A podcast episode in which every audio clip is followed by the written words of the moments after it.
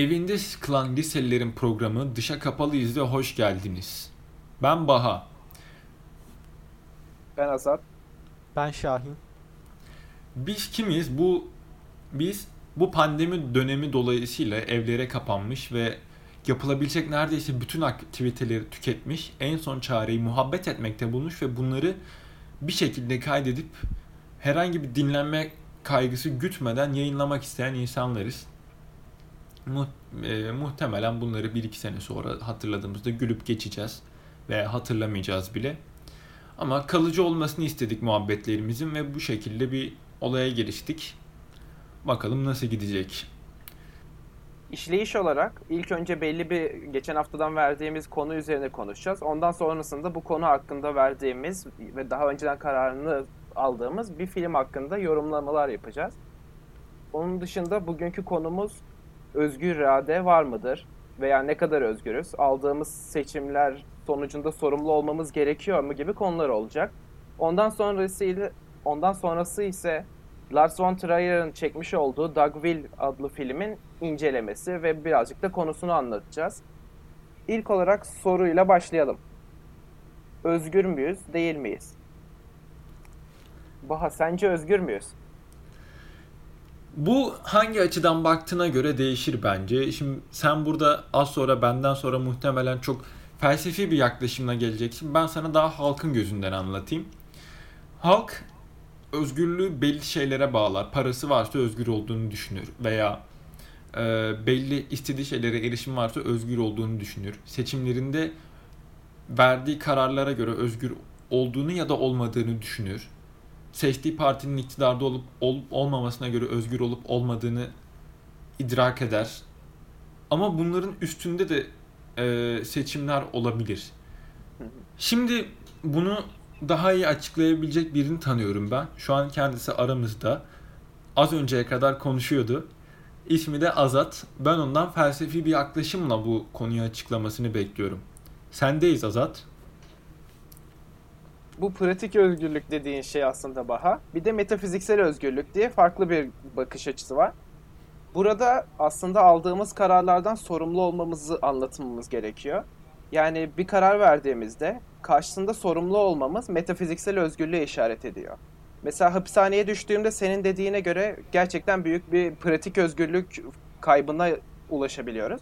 Ama onun dışında verdiğimiz herhangi bir karar yani gardiyana isyan etmekle ya da gidip oradakilerle iyi geçinmek gibi bir karar verdiğimizde metafiziksel özgürlüğe ulaşmış oluyoruz. Ve bu her zaman bizim peşimizde olduğunu düşünen birileri de var. Veya onun dışında bunların tamamen yanlış olduğunu ve determinizm adı altında her şeyin belirlenmiş olan bir bilgi birikimi olduğunu savunan grup da var. Onun açıklamasını yani özgür irade ile belirlenimcilik arasındaki farkları açıklamak için ben Şahin'e soruyu sorarak başlayayım. Sence özgür irade var mı? Ya da belirlenimcilik eşliğinde özgür iradeyi anlatabilir misin? Ee, anlatayım. İlk olarak şöyle bu özgür iradeyi irrasyonel karar alabilmeyle temellendiriyor varoluşçular. Yani şu an postmodern felsefenin de ayağı olarak. Buradaki olay senin kararını gerçekten istediğin şekilde verebildiğine yani yanlış olsa bile yine de o kararı seçebildiğine dayandığından dolayı senin özgür olduğunu iddia ediyorlar. Rasyonel Ama, olmayan kararlar aldığımızda özgür olmuyor hayır. muyuz yani? Hayır. Rasyonel olmayan kararlar aldığında asıl özgürlüğe ulaşıyorsun. Hmm. Çünkü buradaki yaptığın seçim seni yönlendiren herhangi bir olaydan bağımsız. Yani zevklerinden, aslında bunu isteyip istememenden, bunu sana bir şey kazandırabileceğinden bağımsız olduğu için bunu sadece sen karar vermiş oluyorsun. Ve bu yüzden bu özgür irade diyorlar. Ama buradaki Peki, rasyonel olmayan karar dediğimiz şey şuna benzemiyor mu? Rastgele bir kas seyirmesiyle yaptığımız bir anlık hareket gibi bir şey değil mi? Yani nasıl özgür olabiliriz ki? Bununla sorumlu tutulabiliriz ki? Çünkü biz tam olarak isteyerek vermiyoruz bir kararı. Durum şöyle. Yine çok bilinen bir örnektir. Dişçi örneğinden gidip anlatacağım bunu. Hasta olduğunda ya da dişin mesela çürüdüğünde ağrımıyor şu an deyip gitmeyebilirsin. Ama bu yanlış karar olur. Çünkü çürük asla daha iyiye gitmeyecektir. Burada yapman gereken seçim doktora gitmekken sen doktora gitmezsen irrasyonel bir karar vermiş olursun. Bu bir seyirmeden çok bilinçli bir verdiğin karardır. Çünkü tartmışsındır ve ortalama bir insan için konuşuyorum. Dişe gitmenin çok daha mantıklı olduğunu biliyorsundur. Burada aldığın karar tamamen irrasyoneldir ve senin seçimindir. Bu yüzden bu kararları alırken özgür olursun. Peki Analize sence rağmen. aldığımız rasyonel kararlar bizim özgürlüğümüze ket vurur mu? Yani ben Hayır. eğer dişçiye gitseydim özgür olmaya devam edecek miydim? özgür olmaya devam edebilirsin ama biri senin o kararı özgürce verdiğini ya da vermediğini ayırt edemez. Eğer saf çıkar güderek o kararı veriyorsan. Burada bir kanıtlama var özgür olduğuna dair irrasyonel kararlar üzerinden. Ama burada determinizm bunu açıklayabilecek bazı yorumları da var. Onlar da aslında verdiğin irrasyonel kararların biyokimyasal olarak hesaplanabileceği üzerinden. Yani baştan alırsak determinizm her şeyin hesaplanabileceği temeline dayanıyor. ve eğer beynindeki nöron iletileri de hesaplanabiliyor ve anlamlı bir hale getirilebiliyorsa bu da aldığın irrasyonel kararların da belli bir matematiksel ilkeye uyduğunu gösterir. Bu yüzden Peki özgür determinizme göre peki determinizme göre senin hareketlerin önceden hesaplanabiliyor. Peki bu bir üst akıl tarafından mı hesaplanabiliyor yoksa senin hareketlerini ben hesaplayabilir miyim önceden? Ee, buradaki problem yani yeni fizikle bu hesaplamanın inanılmaz zor olmasından yani herhangi biri bunu hesaplayamaz belli bir çerçevede ama e, teorik olarak Laplace'ın şeytanı örneğinden gidersek her şeyi hesaplayabilen bir varlık olsa deterministik olarak geleceği ve geçmişi tamamen ifade edebilir demek. Bence burada belli bir sorun var. Çünkü sonuç şu anki bilimin sayesinde bilinemeyen bir şeylerin olduğu değil. Yani ileride bilebilecek bir Laplace'ın şeytanı gibi bir şeyin olması değil aslında. Sorun zaten doğanın kendisinde bir belirsizliğin bulunması. Yani belli bir ihtimaller zincirinin olduğu ve bu da imkansız kılıyor. Çünkü kaos kuramı gibi bir kuram var. Orada da şu şekilde işliyor. O küçük olsa bile belirlenimsiz ilkelerin bağlı olarak ya da işte kuantum fiziğine bağlı olan olaylar çerçevesinde oluşan küçük bir şey ileride büyük sonuçlara yol açabiliyor. Ve bu da aslında determinizmin büyük bir sorunu çünkü fiziğe bağlı olarak ilerliyorlardı ilk başta. Ama buna karşı olarak yeni çıkan kuantum fiziği gibi ilkeler buna bir darbe vuruyor ve tutundukları dal aslında birazcık yıpranıyor gibi bir sorun sonuç çıkıyor ortaya. Ee, Peki bu durumda nasıl savunabiliriz Evet, determinizmi? buradaki durum Schrödinger'in denklemiyle alakalı bir şey. Yani burada sunduğu şey atom altı parçacıkların tam olarak yerinin tespit edilemeyeceği belirsizlik ilkesi gereğince. Bu yüzden de olayların rastgele olduğu ve senin dediğin gibi kua- e, kaos kuramıyla aslında bu rastgeleliklerin çok daha büyük rastgeleliklere sebep olduğu. Ama burada bu kaçmak gibi dursa da aslında problemin denklemde olduğuna dair iddiaları var e, deterministlerin. Yani Schrödinger'in bu denklemi eksik kurduğuyla alakalı iddialar var. O yüzden burada aslında determinizmin tam olarak bir cevabı yok. Sadece biyokimyasal olarak ve matematiksel olarak cevap verebiliyorlar. Burada bölmem gerekiyor. Şimdi podcast'imizde Darkville filmini ele aldığımız ikinci kısma geçiyoruz. Bu bölüm spoiler içeriyor. Bunu göz önünde bulundurun. Dogville. Nedir bu Dogville?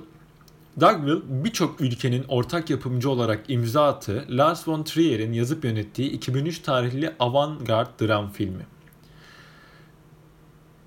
Beklenmedik bir şekilde başlayan ve beklenmedik bir sonla biten, farklı kamera açıları ve perspektifler kullanılarak çekilen bir film.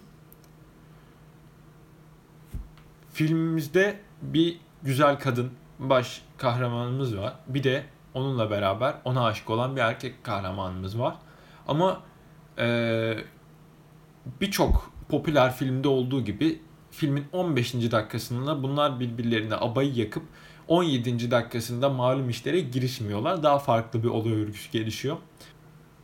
Evet film bize olay örgüsü hakkında gerçekten önemli bilgiler veriyor. Mesela romancılıkta şöyle bir teknik vardır. Bir romanın iyi olup olmadığı olay örgülerinden ziyade karakterin kendi iç çekiş çatışmaları, iç çözümlemeleri ve karakterin aldığı kararlarla onun çevresini etkileyen olayların önemi hakkında verilmesi gerekiyor. Yani buradaki olay gibi, yani buradaki izlediğimiz film gibi olaydan ziyade Grace'in yani Natalie Portman'ın aldığı kararlar ve onun üzerine oluşan yeni olay örgüleri, kendisiyle çatışmaları, karakterin iç çözümlemelerinin çok vurgulanmış olması aslında bu filmin olay örgüsünün çok iyi olduğunu anlatıyor. Ve ideali aslında daha da yakınlaşıyor. Yani gerçek bir roman örgüsüyle yazılmış olduğunu belir- belirtiyor bize. Onun dışında yapmış olduğu görüntüsel açıdan devrim açacak şekilde farklılıklar da bulunuyor. Zaten deneysel bir film olduğu bilinen bir film. Birazcık görüntülerine de değineyim. Hmm, Görüntülere baktığımızda tamam yeşil ekrandan oluşan bir zemin görüyoruz. Yani gerçekten tebeşirli çizilmiş bir yer değil. Backstage videolarına vesaireye baktığımızda gerçekten her yeri yeşile boyamışlar. Yani o çanı çaldığı yerin alt tarafını boşluk olarak görüyoruz biz. Ve orası yeşil ekran. Tamamen yeşil ekran şeklinde yapılmış. Koltuklar vesaire de keza öyle. Ve aydınlatmanın çok iyi olması gerekiyor. Çünkü tamamen yeşil ekran ve insanların yüzlerini alabilecek yakın çekim bir ışık olamıyor. Ve bunun için de şöyle bir çekim tekniği uyguluyorlar Son Trier. Yukarıya yani tavana e, her birisi çok büyük bir alanı aydınlatacak şekilde yaklaşık 100 tane kamera şey koyuyor. Yaklaşık 100 tane ışıklandırma cihazı kuruyor. Ve bu şekilde tamamen çekimlerinin hepsini ışıktan bir sorun olmadan yapıyor. Ve bu aslında devrim niteliğinde çünkü tek bir belli ışığa bağlı kalmadan bunu yapıyor. Bir birden fazla ışık olması aslında hani sitcomlardaki o üçlü kamera tekniklerine de benziyor. Çünkü onlar da tek çekim gibi ilerliyor ve yine belli bir kameranın sayesinde farklı yerlerde ışıklandırma olarak da yapıyor. Buna benzetmeye çalıştığını düşünmüyorum ama bununla aynı özellikleri kullanması açısından ben benze benzediğini düşünüyorum. Onun dışında olay örgüsü açısından çok farklı betimlemeler ve aslında din açısından yapılan göndermeler ve işte verdiği imgeler. Mesela köpeğin adının Musa olması gibi göndermeler aslında bizi birazcık felsefi çözümlemeye götürüyor. Onun için de Şahin'e sözü bırakayım. Burada dinsel çözümlemeleri onun yapması gerektiğini düşünüyorum. Ee, evet. Aslında her filmde dinsel gönderme ya bulunabilir ya da zaten vardır. Bu ilginç bir şekilde. Bu filmde de dinsel göndermelerin yanında bazı felsefi sorular ve direkt verilmiş cevaplar da var. Ama önce teolojik kısma geçeyim. Burada aslında İsa yargılanıyor denebilir. Çünkü herkese merhamet göstermek kibirlice bir davranış mıdır yoksa aslında bütün problemleri çözmek ve bir kurtarıcı olmak mıdır? Bu tartışılıyor ve filmde verilen bariz karar bunun kibirlice bir davranış olduğu. Aslında insanları kucaklamak yerine farklı bir tepki verilmesi gerektiği. Yani bu noktadan o insanların sıradan insanları temsil ettiği, e, Grace'in ise burada İsa'yı temsil ettiği söylenebilir. Bizim de olayı tanrı bakış açısıyla görmemiz ve aslında kendimizi bir nevi tanrı rolüne koymamız aslında bizim İsa'yı yargılıyor olduğumuz anlamına gelebilir mi bu durumda? Ya evet sadece biz değil. Aynı şekilde babası da aynı tepki veriyor ve bu sorunu açıklıyor bizim gibi. Yani o o durumda onu nasıl bir teolojik noktaya koyarsın bilemiyorum ama. Sence? Bence bizim de yargılamamızı istiyor gibi. Bize de çünkü farklı perspektifler veriyor. Mesela e, tecavüz sahnesindeydi galiba. Ekranda tüm olayları görebiliyoruz. Herkes kendi işinde farklı işlerle meşgul. Ama bundan ziyade biz tecavüz olayını da görüyoruz ve aslında insanlar etrafında olan olayı görmüyorlar. Çünkü belli duvarlar olmadan çekilen bir şeyde. Onların dünyasında belli duvarlar var ama bizim görüş açımızda belli duvarlar yok. Bunları görmemiz aslında bizce çok iyi bir teknikle çekilmiş olduğunu açıklıyor. Ve aslında çevremizde olan olaylara da duyarsız olduğumuzu ya da işte onları göremiyor olabileceğimizi anlattığını düşünüyorum. duyarsız oluşumuzdan çok e, burada insanların duyarsız oluşunu masumiyete bürümüş olabilir mi? Sonuçta o insanların o olayı görüp e, müdahale etmesine bir imkan, bir şey yoktu. Günümüzde insanların duyarsız oluşunu da haberlerin olmamasına bağlayıp onları savunuyor olabilir mi acaba filmde? Ee, Evet, ben bunu da savunuyor olabilir çünkü gözümüze sokuluyor. Ben bunun da savunulabilir olduğunu düşünüyorum. Ama burada bence ondan ziyade aslında daha farklı bir anlatımı olması gerekiyor. Çünkü bunu düşündüğümüzde anlatının üzerine bir çıkarım yapmış oluyoruz. Ama Lars von Trier'in yaptığı sadece bir anlatımdı. Bu anlatımda da aslında günümüz eleştirisinden ziyade toplumun olduğu farkında olamama durumunu aslında anlatıyor. Belki senin dediğine şuradan bağlanabilirdi. Ee, oradaki kişilerin yani diğer köylülerin gidip tekrar o kadından yararlanması, Natalie Portman'dan yararlanması aslında buna çıkarım olabilir de. Onun dışında farklı görüşler de bulunabilir tabii ki. Burada Ya- aslında anlatılmak istenen farklı bir nokta daha olması gerekiyor. O da merhamet duygusu. Yani insanlara o kadar iyi davranan birisi olan Natalie Portman'ın gidip de işte onlardan aynı tepkiyi görememesi üzerine yaptığı bir iç çatışma bulunuyor.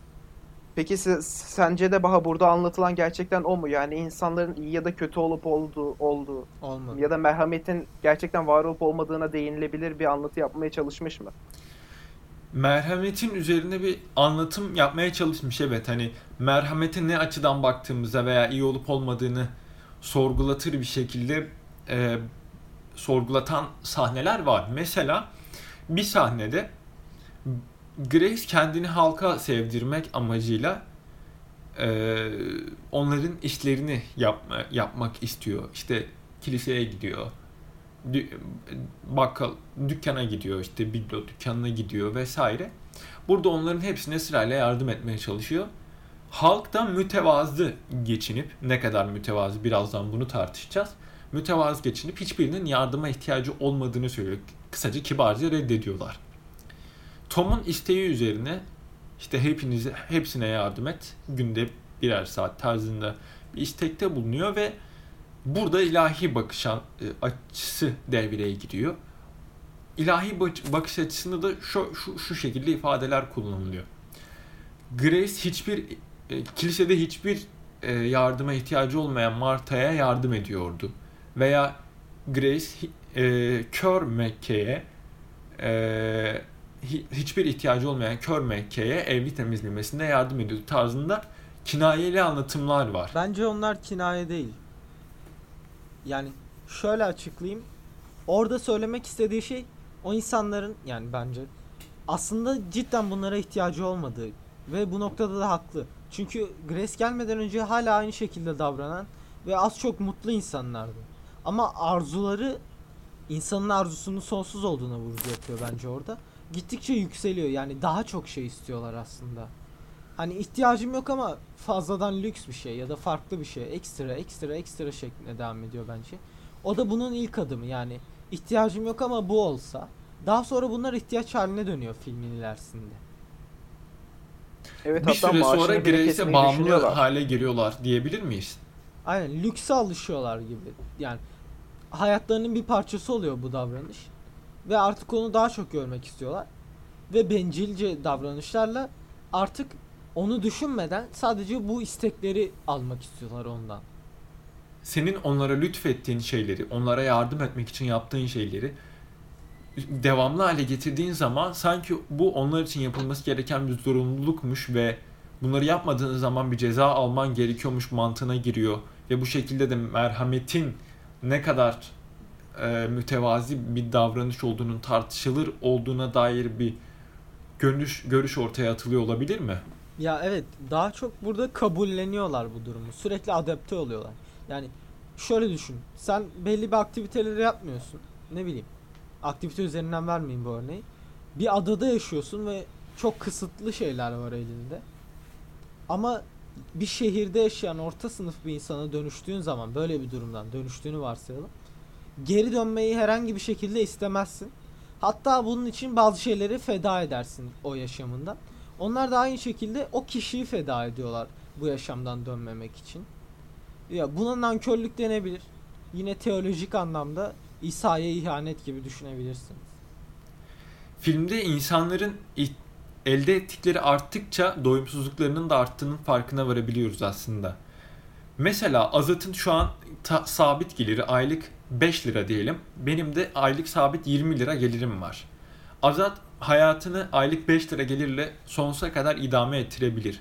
Daha üstünü görmemiştir çünkü ihtiyaç da duymamıştır. Ben hayatımı 20 lira gelirle idame ettirmeye alıştıktan sonra bir gün gelir başıma bir talihsizlik gelir ve 5 lira gelire düştüğüm zaman intihara kadar sürükleyebilir bu olay beni. Daha yükseğini gördüğüm zaman altta yaşamak zor gelir. Bu da Grace'i bir nevi bu filmde de Grace'i bir nevi geliyor olarak düşünebilirsiniz. Geliriniz arttıkça ona alışıyorsunuz ve onun yokluğu size rahatsızlık vermeye başlıyor. Halbuki siz daha 10 gün önce sizin yanınızda Grace yoktu ve hayatınızı mutlu bir şekilde idame ettirebiliyordunuz. Fakat Grace geldikten sonra onun hizmetlerine alıştıktan sonra Grace'in yokluğu size rahatsızlık vermeye başlıyor. Bu durumda Grace'in onlara uyguladığı merhamet onlar için faydalı diyebilir miyiz? Evet aslında burada anlattığın intihar tanımı gerçekten daha önceden yapılmış bir tanım. Emil Durkheim şöyle söylüyor. Diyor ki normlar değiştiğinde yani işte 5000 lira maaş alan birisi iflas ettiğinde ya da birisinin babası ya da eşi öldüğünde vesaire bu büyük bir yük, çıkıntı, e, çöküntüye sebep veriyor. Çünkü birey adapte adapte olamıyor, olamıyor. Adapte olamıyor ve bu onu çok kötü bir duruma sevk ediyor. Bu yüzden aslında intihara kadar gidebiliyor ve bu intihar çeşidine Emil Durkheim anomik intihar adını vermişti. Burada aslında direkt bir bireyin intiharından ziyade toplumsal olarak bir intihar oluyor. Çünkü herkesce bir değişen norm oluyor ve toplum olarak aslında bir fazladan bir kişinin gelmesi onlar için büyük bir değişim. Ve bu değişim aslında adapte olamıyor şehir olarak, daha doğrusu köy olarak onlar. Ve işte farklı çıkış, yol, çıkış yolları denemeye başlıyorlar. Diyorlar ki sana maaş verelim, sen gel bizde çalış.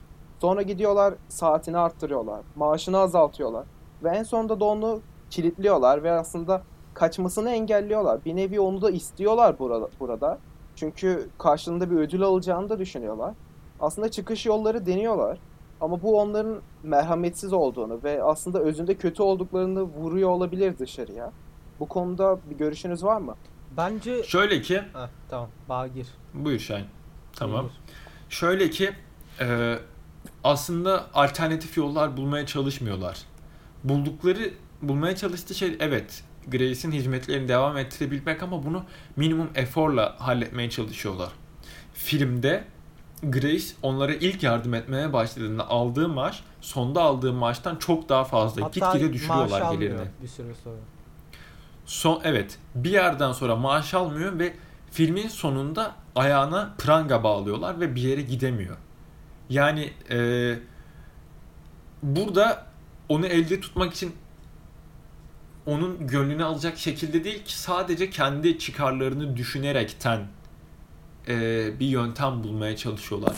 Ki Grace ilk aldığı maaşla onlara yardım etmeye de devam edebilirdi. Ama köylülerin açgözlülüğü veya insanların genel olarak açgözlülüğü yüzünden hem gelirini düşürdüler hem de onu kendilerine daha fazla bağımlı kıldılar. Peki Grace neden 7 tane biblo almayı tercih etti o parayla? Yani yapabilecek farklı işleri de vardı. Farklı bir şeyler de alabilirdi ya da yaşam seviyesini de yükseltebilirdi. Ama o sadece 7 tane biblo aldı. Bu bir gönderme olabilir mi 7 günaha ya da farklı bir şeye? Şimdi e, birincisi günahlara bağdaştırmadan önce insanların bir şeyleri bir şeylerle bağlama konusunda bir sevgisi vardır. Hani bunu severler. Kendilerine benzeyen insanları severler bir şeylerle bağdaştırabildiği şeyleri severler. O yüzden bilinmeyen her zaman korkutucu gelir. Burada da şöyle bir şey var. Filmde erkek ana karakterimiz Tom Grace'e kasabayı gezdirirken kasabanın en lüks eşyası sayılabilecek e, eşya olan bibloları gösteriyor. Tom'un bunlara almaya alım gücü yeterli değil. Grace'in de değil. Çünkü Grace zaten beş parasız gidiyor o kasabaya. Bunları ona göre gösteren Tom olduğu için ve Tom bunları sevdiği için ve Grace ve Tom'un arasında bir şeyler olduğu için Grace bun, bu eşyaları Tom'la olan ilişkilerine bağdaştırıyor. Onlara sahip olmak onu bu yüzden zaten mutlu edecek. Çünkü o, o her bibloları gördüğünde aklına Tom gelecek. Tıpkı e, sevgilinizin veya eşinizin size bir hediye aldığında ve bu bir demir parçası bile olsa siz o demir parçasını her baktığınızda ellediğinizde sevgilinizin veya eşinizin aklınıza gelmesi gibidir. Bu bağdaştırma içgüdüsü insanlarda vardır. inkar edilemez. Ve e, temel olarak bunu baz alıyor diyebilirim. Tabi e, bibloların 7 tane olması, evrenin 7 günde yaratılması veya 7 büyük günah tarzındaki konulara da çekilebilir. Bu konularda sizin görüşünüzü ben merak ediyorum açıkçası. Ee, burada aslında yapılan şey yani bibloları toplamasının sebebi Tom'dan ziyade o topluluğa ait olmak olabilir mi? Hani onları kafasında onları temsil ettiriyor ya filmin başında hani her kasabalı için. Ve onlarla bütünleşmek adına, onlardan bir parça olmak adına onları topluyor ve bir amaç belirliyor olabilir bence. Hı hı. Ee, hatta muhtemelen bunu yanlış yolda yaptığını da kasabalıya sürekli yardım etmesinden hani e, ilahi bakış açısıyla konuşurken yönetmen ya da şey senaryo senarist bahsediyor ya bir kısımda hani saf yardım etmeye çalıştığı için aslında yanlış bir giriş yapıyor topluluğa ve onların bir parçası olmak yerine sadece onlara mümkün olduğunca yardım etmeye çalışıyor. Bence buradaki ilk hata bununla başlıyor. Yani topluluktan ziyade kendisi de hatalı. Bu biblolar üzerinden konuşursam. Aslında orada da ilk çöküşünü yaşıyor. Mesela o bibloları kırmaya başladığında fiziksel acı doktrini adı altında orada aslında toplumun onu sevmediğini yani aslında içten içe ona bir kızgınlık duyduğunu veya buraya neden geldiğini hala anlamadığını anlıyoruz. Ama o ise aslında topluma ayak uydurmak amacıyla bence de bibloları almaya başlamıştı. Ve gerçekten de yedisini tamamlamıştı. Artık kendince o topluma ait olmuş bir kişiyken toplumdan birilerinin gelip de işte onun biblolarını kırması onun için büyük bir çöküntüye yol açıyor. Ve ondan sonra da zaten galiba yanlış hatırlamıyorsam kaçmaya vesaire çalışıyor. Ve orada da bir kez daha satılıyor. Parasını verdiği ve hatta kendini verdiği bir adam tarafından. Bu çöküşler çöküşler sayesinde film daha da farklı bir yöne geliyor. Ve burada işte film son bulma aşamasına geldiğinde verdiği büyük bir karar. Merhamet mi yoksa onlara acıyıp ya da daha doğrusu onlara acımak mı yoksa onları oradan silip süpürmek mi adında bir karar vermesi gerekiyor. Ve burada verdiği karar sizce nasıl yorumlanabilir? Şimdi şöyle ki e, ben filmi izlerken ödüllü olduğunu bilmiyordum açıkçası. Hani aramızda konuştuk ve bu filmi izlemeye karar verdik. Açıp direkt izledim. Hani geçmişine bakmadım ve filmde e, genelde hani böyle mesaj verilmek istenen filmlerde merhamet erdemdir. İşte insanlara merhametli olmak, cömert olmak vesaire gibi mesajlar verilir genelde filmlerin sonlarında. Standart hani e, bir film olacağını düşündüğüm için ben Grace e, uyum sağlamaya çalıştığı topluluğa eline güç geçince onları affedip büyük bir ders verebileceğini düşündüm. Hani e, bunun iyi sağlam bir ders olduğunu düşündüğüm için değil, filmin akışının böyle gideceğini tahmin ettiğim için böyle düşündüm. Sonrasında beklediğim gibi olmadı. Açıkçası e, son anda hani güzel fake atıyor diyebiliriz. Çünkü son ana kadar Grace böyle merhamete çekmiş gibi duruyor. Son ana kadar yani babası gelene kadar e, onları hani hala merhamet besliyormuş gibi davranıyor. Son anda bu kararı veriyor ve bu gerçekten çok güzel işlenmiş. Acaba Grace'in elinde güç olmasaydı aklından geçenler merhamet etmek mi olacaktı? Yoksa onları aklında infaz etmek her zaman var mıydı gibi bir düşünce yetiyor beni. Zaten sadece onları infaz etmekle kalmıyor, ka- kasabayı da yok ediyor. Tom'u kendi elleriyle öldürüyor ki en çok bağ kurduğu kişi. Evet orada gerçekten büyük bir soru oluşuyor aklımızda. Çünkü ilk geldiğinde kasabaya hiçbir gücü yoktu. Yani elinde para bile olmadan geliyordu. Sadece kıyafetleriyle geliyordu. Ve bunun yüzünden mi iyi davrandı yoksa aslında gerçekten de iyi olduğundan mı buna davrandığı büyük bir soruya yol açıyor. Bence bu kişi yani Grease aslında her zaman iyiydi. Ama bulu- bulaştığı güç ve babasının aslında oradaki tavırları çünkü babasını bir ilah ilah olarak görüyor. Çünkü ona ateş etmiş birisi ve kendisini resmen bir baba figürü olarak görüyor. Ve onun aslında belki de yönlendirmeleri yönlendirmeleri ve oraya üç arabayla gelmesi ona bu imkanı sun- sunuyor. Ve aslında onu yapmasaydı babasından alacağı daha büyük bir zarar olacağını düşündüğü için bu iyiliğinden vazgeçiyor diye yorumluyorum ben. Yani özünde Grease'in iyi olduğunu. Çünkü iyi olmasaydı kendisine kötü davranan kişilere yani tecavüz eden kişilere bile bir geri kalan kadınlara bunu gerçek anlamda anlatmaması olarak yorumladım ben. Çünkü isteseydi o adamları bile hadım ettirebilecek güce sahipti. Yani istediğini yapabilecek güce sahipti bir noktada. Ama bunları yapmayıp susmayı yeğledi. Ve bence bu iyi olduğunu gösteriyor Grace'in. Bence şurada e, birkaç e, sorun var. Şöyle ki birincisi iyiden kastın nedir? Yani Grace'in iyi biri olması diyorsun. Şimdi merhametin ne olduğu üzerine tartıştığımız için merhametli olmak mıydı, merhametsiz olmak mıdır? Yani özünde Grace merhametli biri miydi, değil miydi? Bu birinci sorum. İkincisi de e, onları hadım edebilecek güce sahipti diyorsun kasabada kalırken, babası yokken. Ama şöyle bir durum var. Grace onların hani kasaba halkının gözünde zaten bir çöpten ibaret olduğu için e, o onun söyledikleri iftiradan öteye geçmeyecekti kasaba halkı için. Bu da demek oluyor ki Grace'in söyledikleri e, onu halkın gözünde daha da düşürmekten öteye gidemeyeceği için e, Grace bir değer çıkarımı yapıp buna göre e, kendisine inanılmayacağını bildiği için bu kendisine tecavüz olaylarına ses çıkarmamış olabilir mi?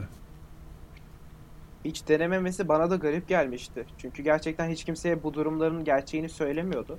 Ama ben bunu farklı bir şekilde yorumlamıştım.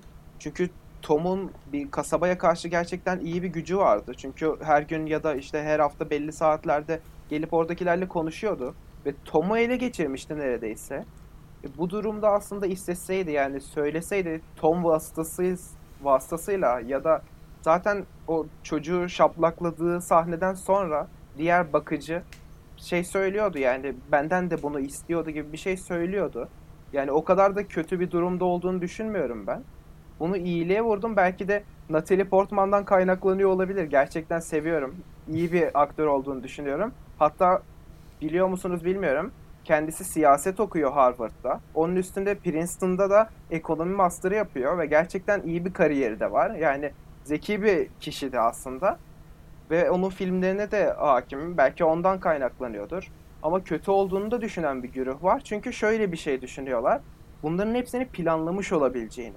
Yani bir gün babasının gerçekten o köyde onları arayıp geleceğini oraya ve oraya herkesi yok edebilecek bir gücü sahip olabileceği bir durumu biliyordu. Belki de şöyle düşünmüştü. Oradaki kişiler bana iyi davranırsa babam geldiğinde onları öldürmeyeceğim gibi de düşünmüş olabilir. Ve oradakilerin kötü davrandığını gördüğü için vurmuş olabilir. Böyle bir görüş de var. Yani özünde kötü olduğunu ve planlamış olduğunu düşünen bir görüş.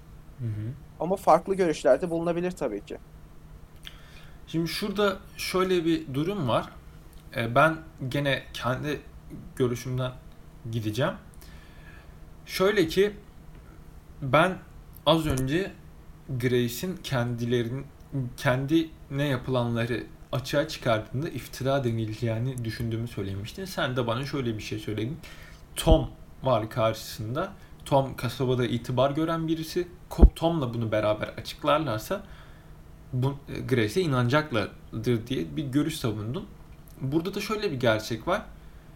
Yani e, kırsal yaşamda şöyle bir gerçek vardır. Burada bir araya gireceğim. Aşk gözlerini kör etmiş denilen bir tabir Burada vardır. bir araya Şahin gireceğim. buyur. Ee, aslında sonuç olarak da iftira atsa da atmasa da yine de yargıladıklarını filmin devamında e, dikkat ettiğin zaman fark edebiliyorsun. Çünkü hani e, bu ilk tecavüz olayından sonra karısı fark ediyor ya aslında e, Grace'in yapmadığını. Ama ona rağmen daha sert davranmaya başlıyor doğruyu bilmesine rağmen. Aslında burada kasabalıların doğru olup olmadığını önemsemesiyle alakalı bir şey yok. Kendi içlerinde bu durum kabullenmiyorlar. Yani iç karmaşa yaşıyorlar aslında. Ee, kabullenmek yerine yaptıklarını bunu hayır böyle olsa bile mesela belli etmiyorlar ya da hayır yalan söylüyor diyorlar anlaşıp en azından doğrudan konuşarak anlaşmasalar bile ve kendilerini yargılamak yerine suçu başkasına atarak kurtulmaya çalışıyorlar. O yüzden yani bu durumun kurt, başından beri kurtulabileceği bir alanın olmadığını düşünüyorum ben. Yani ilk madene sakladığı ve reddettiği andan itibaren hem zaafları ortaya çıkmış oluyor hem de onu istedikleri kadar kullanabiliyorlar aslında. Herhangi bir noktada eğer gücü olmasaydı geri dönüşü olamayacaktı diye düşünüyorum. Burada da sanırım Ama her şeye rağmen kaçmayı istemiyor gibi bir durum var aslında. Hani iki kere polisler geliyor ve son gelmeleri haricinde kendisinde bir kelepçe yoktu yani odasından çıkıp rastgele bağırabilirdi. Çünkü babasına teslim edeceklerini de biliyordu. Ama buna rağmen kalmayı tercih ediyor. Ve bu aslında büyük bir çelişki olabilir? Burada ya karakterde bir kırılma noktası olduğunu düşünüyorum. Çünkü babasıyla o yaptığı merhamet iyi midir konuşmasında ya ikna oluyor merhametin burada mantıklı olmadığını. Çünkü onlara insan muamelesi göstermediğini fark ediyor merhamet gösterdiğinde. Yani özgür irade konuşmuştuk. Oradaki noktaya geliyor. İnsanları özgür olarak görmeyip birer hayvan olarak yani işte za- zaaflarını sürekli yapan iradesiz canlılar olarak görmüş oluyor sürekli merhamet gösterdiğinde. Ama onları yargılamak daha insanca davranmak oluyor ve bunu fark ettiği noktada onları yargılamaya karar veriyor. Yani onlara aslında saygı duymaya ve gerçekten insan gibi davranmaya başladığını düşünüyor bence. Buradan itibaren de bu kırılmadan itibaren de onları yargılamaya başlıyor. Babasıyla yaptığı konuşmadan itibaren. Evet dediğin o kırılmayı açıklayan çok güzel bir örnek var. O çocuğa şaplak atmadan önce söylediği şeyler aslında senin dediğin iç çözümlemeye gerçekten uyan şeyler. Orada çünkü şöyle diyordu. Ben kimseye daha önce vurmam yani ceza vermiyorum kim kimselere. Yani çocuklara vurmak benim aklımdan bile geçmezdi gibi bir şey diyen kişi. Son sahnede büyük bir kırılma geçirerek ilk önce çocukları öldürmeyi seçiyor mesela. Ve aslında kendisi de vahşileşiyor. Çünkü o kadından intikam almak için o acı doktrinini kullanıyor ve ilk önce çocuğunu öldürdüğünde ağlamazsa gibi bir dalga geçirme gibi bir şey yapıyor aslında. Ve bu da kendini vahşileştiriyor ve gerçekten karakterin tamamlandığını ve gerçekten babasının yolundan gitmeyi tercih ettiğini açıklıyor. Ve filmi gerçekten iyi bir şekilde bitirdiği belli oluyor. Evet, filmin bu noktasını yani karakterin o kırılma anını bize bırakması ne kadar doğru bilmiyorum. Yani mesela bu çıkarımı yapabiliyorsun ama eğer orada daha iyi bir çözümleme görseydik bence yani film adına daha iyi olurdu yine de. Hani karakterin o değişimi o kadar ani olmasının yanında bu durum hiç açıklanmıyor neredeyse. Yani sadece babası birkaç şey söylüyor ve orada kafasından geçenler yerine direkt ikna olduğunu görüyoruz. Oradaki argüman kısmı yok bence. Olsa daha iyi olurdu diye düşünüyorum. Evet son 30 dakikada bir iç kırılma yaşadığı kesin olarak belli oluyor. Ama belki de ondan önceki sahnelerde birazcık dışa vurmaya başlamıştı gibi. Hani son gecesi, daha doğrusu son gecesi olduğunu düşündüğü gecede mesela Tom'la olan konuşmaları bunu birazcık betimliyordu gibi. Ve aslında çok da beklenmedik bir son değildi. Çünkü yaşadıkları buna götürüyor gibi bir sonuç çıkartabiliriz. Bence Onun aks- dışında beğendiğiniz özel bir sahne var Evet, mı? Şuraya gireyim. Bence aksine son ana kadar neredeyse hiç belli etmiyordu bu durumu. Çünkü en son Tom'la konuşması dediğinde orada bile kasabalıya herhangi bir öfke göstermiyordu neredeyse hiç. Sadece kabulleniyordu. Yüz ifadesi olarak yani ne düşündüğünü o kısım geçmiyor ama psikolojik çözümlemeyle. Yine de kasabalıyı kabullendiğini düşünüyorum ben. Buradan sonra babasıyla ilk konuşmasından sonra kırılmanın başladığını düşünüyorum. Hızlı bir şekilde. Bence ilk kırılma noktası kendini ilk şurada belli ediyor. Babasıyla konuşma sahnesinde değil de ondan önce Tom'la e, mafya e, kasabaya gelmeden bir gece önce Tom'la bir konuşma yaşıyorlar. İşte konuşuyorlar falan. Sahneyi hani yerini yanlış hatırlıyor olabilirim ama sanırım Grace'in kaldığı değirmende şöyle bir şey geçiyor aralarında. Hani Grace Tom'un mafyanın verdiği kart viziti atmadığını anlıyor Tom'un ifadelerinden ve atmadın değil mi diyor. Çünkü ilk sahnelerde Tom onu bulur e, alır almaz yaktım demişti. İfadelerinden belli ediyor ki atmamış. Grace bunu anlıyor ve Tom'un mafyayı çağırdığını anlıyor. İlk kırılma noktasını burada yaşıyor. Ben de zaten son ana kadar hani merhamet gösterecek ve böyle hani klasik e, optimist filmlerin sonu gibi işte merhamet erdemdir tarzı bir mesaj verecek diye düşünürken o kart vizitin konuşulduğu sahnede ben Grace'in dönmeye başladığını düşünüyorum. Çünkü ilk bence kendini orada belli ediyor. Hani bakışlarından bile anlayabiliyorsunuz bunu. Evet bu twist'in sonlarda çıkması gerçekten şok edici bir şey oluyor. Hani Fight Club'daki olaylar gibi son direkt son dakikaya bırakmıyor ama ondan önceki küçük göndermeler gerçekten de çok küçük göndermeler oluyor. Ve bu yüzden aslında son sahnelerdeki büyük iç değişimi ve karakterin tam olarak oturması daha iyi bir şekilde anlatılmış olduğunu düşünüyorum. Aslında burada bir pilot daha görüyorum pilot twist olarak. Şey 15. çanda çaldığında tamamen ikna oluyor ya dostlarım var bu insanlar beni seviyor diye. Ben o noktayı tam olarak yani hangisinin daha baskın geldiğini anlayamadım düşüncesi olarak. Hani kasabalılar her şeye rağmen bana güvenmiyor mu hani kart vizit olayından dolayı? Yoksa hepsi artık bana güveniyor dostlarım var mı diye düşünüyor. O kısımda hangisinin başta baskın geldiğini bence tam olarak anlaşılmıyor yani hangisinin baskın geldiği düşünce olarak. Değişiyor bu sonradan. Yani e, sonlara doğru hani bunlar benim dostum değilmişi anlıyor. İlk başta da bunlar benim dostum olarak düşünüyor. Çanlar çaldığında gibime geliyor yani. Evet şu böğürtlenlerin arasından filan geçtiğinde ona bağırılması ya da çok fazla iş yaptırılması filan bunlar belli oluyor. Zaten birazcık da dışa vuruyordu hani o sakat kızın işte yatağını temizlerken filan dediği işte burada zaten kimse yatmıyor ki gibi laflar aslında ve sadece bizim gördüğümüz sözcükler bunlar. Kasabadakiler bilmiyor. Bunlar güzel detaylar aslında. Sonu açıklayabilecek detaylar. Onun dışında şöyle bir şey görüyorum ben. ironi aslında. Bizim tanrı bakış açısında olmamıza rağmen hala bize bir şey anlatan birisi var. Yani bazı olayları bizim bile bilemeyeceğimiz ama bizim tanrı bakış açısıyla bir şeyleri izleyebileceğimiz bir gerçekliğe sürüklüyor bizi. Yani biz de aslında bir kasabalıdan fazla bir şey bilmiyoruz daha büyük çerçeveye baktığında gibi bir anlam çıkıyor olabilir.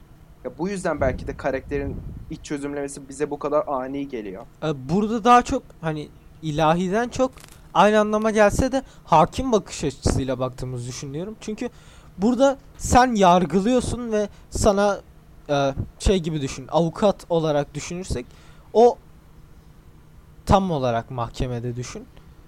O sana durumu açıklıyor. Sen olayı biliyorsun ve yargıyı sana bırakıyor. Bence bu şekilde daha oturaklı oluyor. Nasıl bir durumda olduğumuz. Filmin ana konusu ve belli başlı detayları böyleydi. Şimdi Şahin'den başlayarak filmi beğenip beğenmediğini ve neden olduğunu soracağım. Şahin filmi beğendin mi, beğenmedin mi, neden? Öncelikle sonda vermem gereken cevabı ilk vererek başlayayım. Filmi beğendim.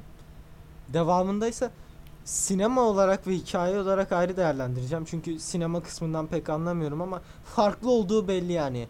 Ee, ışıklandırma olarak da, kurgu olarak da, görsel Hı hı. olarak da, dekor olarak da. Ee, hikaye olaraksa filmin vermek istediğini iyi saklaması ve en sonunda bunu belli etmesi kısmı güzel. Ama verdiği mesajı ne kadar ayrıntılı incelediği ve ne kadar onun üzerinde durduğu yani hikaye anlatmaktansa bu biraz tartışılır bence. Yani bu noktada Hı hı. daha çok çözümlemeye ve konunun içine girmeye odaklanabilirdi ya da daha az mesaj verip daha iyi bir hikaye çıkarabilirdi film bence. Bu ikisinin arasında bir yerde. Yani Hı hı. onun dışında dediğim gibi sinema olarak sinema sinem ne denir lan ona? Bir dakika. Çekim tekniği diyebiliriz. Sinema Aa ya boş ver. Tamam. Yani Prodüksiyon da diyebiliriz. tam prodüksiyon kısmı zaten farklı dediğim gibi. Bu kadar yani. Hı hı. Bunu da azata paslayayım. Hop.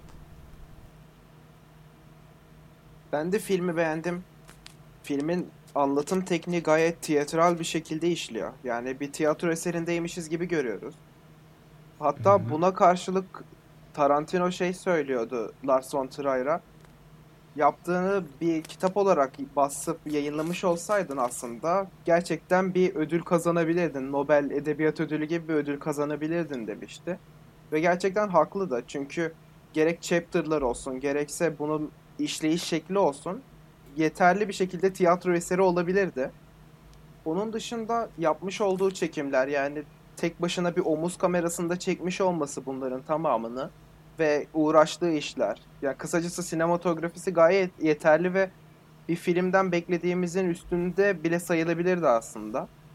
Ve aslında bunu bir deneysel bir film olarak düşünmemiz gerekiyor. Çünkü bizi tiyatro sahnesine sokuyor. Ve bir tiyatro oyuncusunun olduğu pardon tiyatro izleyicisinin olduğu bakıştan ziyade yani dördüncü duvardan ziyade tepeden baktırtıyor ve olayları daha farklı bir bakış açısına çıkartıyor. Hani Hı hı. biz Woody Allen'ın bir filmini izlediğinde dördüncü duvarı kırdı diye çok şaşırmıştık 1976'da. Ama şu anda biz aslında dördüncü duvardan ziyade bakış açısını ilahiye çıkardığı için şaşırıyoruz. Ve bu sinema açısından da gayet iyi bir şey. Ve bu deneysel Hı hı. filmin aslında çok başarılı olduğunu düşünüyorum. Ama vermek istediği mesaj ulaştı mı kişilere ondan pek emin değilim. Yani bir Hı hı. kişi bunu ya da daha doğrusu bir İsa seven kişi birisi bunu duyduğunda çok fazla sorgulayabiliyor mu? Yani merhamet bize bu kadar iyi öğretiliyor ama gerçekten bu kadar iyi mi? Yoksa ceza vermek Hı hı. daha mı iyi? Bunları çok fazla kişiye ulaştırabildi mi bilmiyorum. Çünkü Lars von Trier normalde Avrupa sinemasıyla uğraşıyor ama bu filmi Amerika'da gösterime giriyor ve Amerika'da çekiliyor. Hı hı. Bu açıdan aslında daha çok onlara ulaştırmaya yönelmiş olabilir. Ama ulaşıp ulaşmadığı pek de belli değil. En son Senin olarak görüşlerin ne Baha? ben evet görüşlerimi belirteyim. Öncelikle filmi beğendim Şahin gibi önceden söyleyeyim. Filmde kullanılan e, çekim teknikleri, prodüksiyondan başlamak istiyorum. Kendim de ufak tefek prodüksiyon işleri yaptığım için e, yorumlayabildim kendi kafamda ve oyuncuların rollerine ne kadar bağlandıklarına baktım. Hani ufak tefek detaylardır bunlar belki ama bir mesela orada olmayan bir kapıyı açış tarzı rolüne ne kadar bağlandığı benim için önemlidir. Sizin için önemli olmayabilir.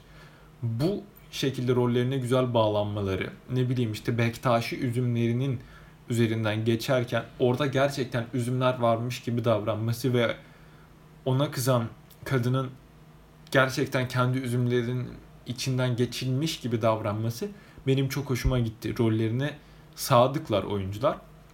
Bununla beraber ışıklandırma sorunlarını nasıl çözdüklerini bilmiyordum. Çünkü gerçekten büyük bir stüdyo ve hiç ışığın böyle gereksiz az olduğu veya gereksiz fazla olduğu, her yerde gölgelerin olduğu bir sahneye denk gelmedim. Bunu da Azat zaten erken döneminde yani podcast'in gerilerinde açıkladı. Futbol sahasında kullanılan teknikler gibi ama bunun çok daha profesyonel. Çünkü zaten bir futbol maçını izlediğimiz zaman oyuncunun 4 yerinde veya 5-6 bölgesinde gölgeler oluşur. Bunun bile önüne geçmişler ki bu 2003 yılında çekilen bir film için harika bence. Onun dışında bize kazandığı pers- kazandırdığı perspektif güzel. Vermek istediği mesajı, merhamet konusundaki mesajı son saniyelerde, son dakikalarda vermesi ama siz filmi izledikten sonra aslında e, Grace'in görüşlerinin değişeceğini ufak işaretlerle aslında bize söylendiğini, verildiğini sonradan fark etmemiz de önemli bir detay olmuş bence. Güzel de bir detay olmuş. Bu şekilde benim görüşlerimde e, haftaya dur bu şekilde benim görüşlerim. Şimdi haftaya da neyi tartışacağız? E, Solaris ve haftaya o zaman şey diyeyim. Haftaya idealizm ve materyalizm konularını tartışacağız ve Solaris filmini ele alacağız diyeyim. Değil mi? Ama yok yani bunu şey bir söyleyeyim hani haftaya işte bir sonraki bölüm falan filan düzen. Tamam şöyle yapayım.